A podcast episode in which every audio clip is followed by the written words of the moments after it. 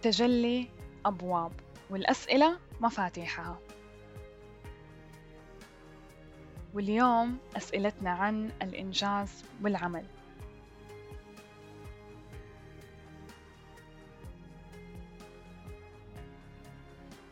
كيف من الممكن أن أدرك وأشعر بمفهوم الإنجاز الحقيقي المستمد من طاقة الخالق؟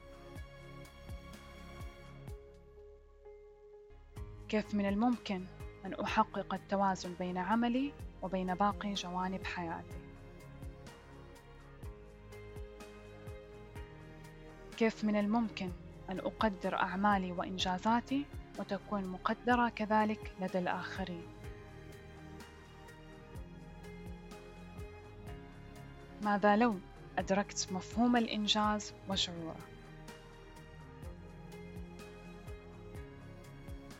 ماذا لو ركزت على أعمالي وأهدافي بدون الحاجة للمرور بالمشتتات والملهيات؟ ما هو شعوري وأنا أعمل وأنجز بكل مهارة وإتقان؟ ما الذي يتوجب علي أن أعرفه حتى أنجز بشكل مستمر وفعال؟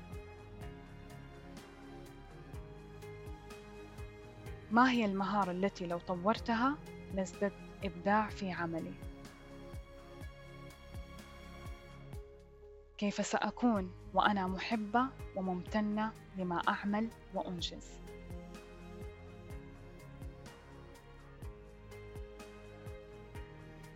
أنا منسجمة ومتناغمة مع كل أعمالي وإنجازاتي.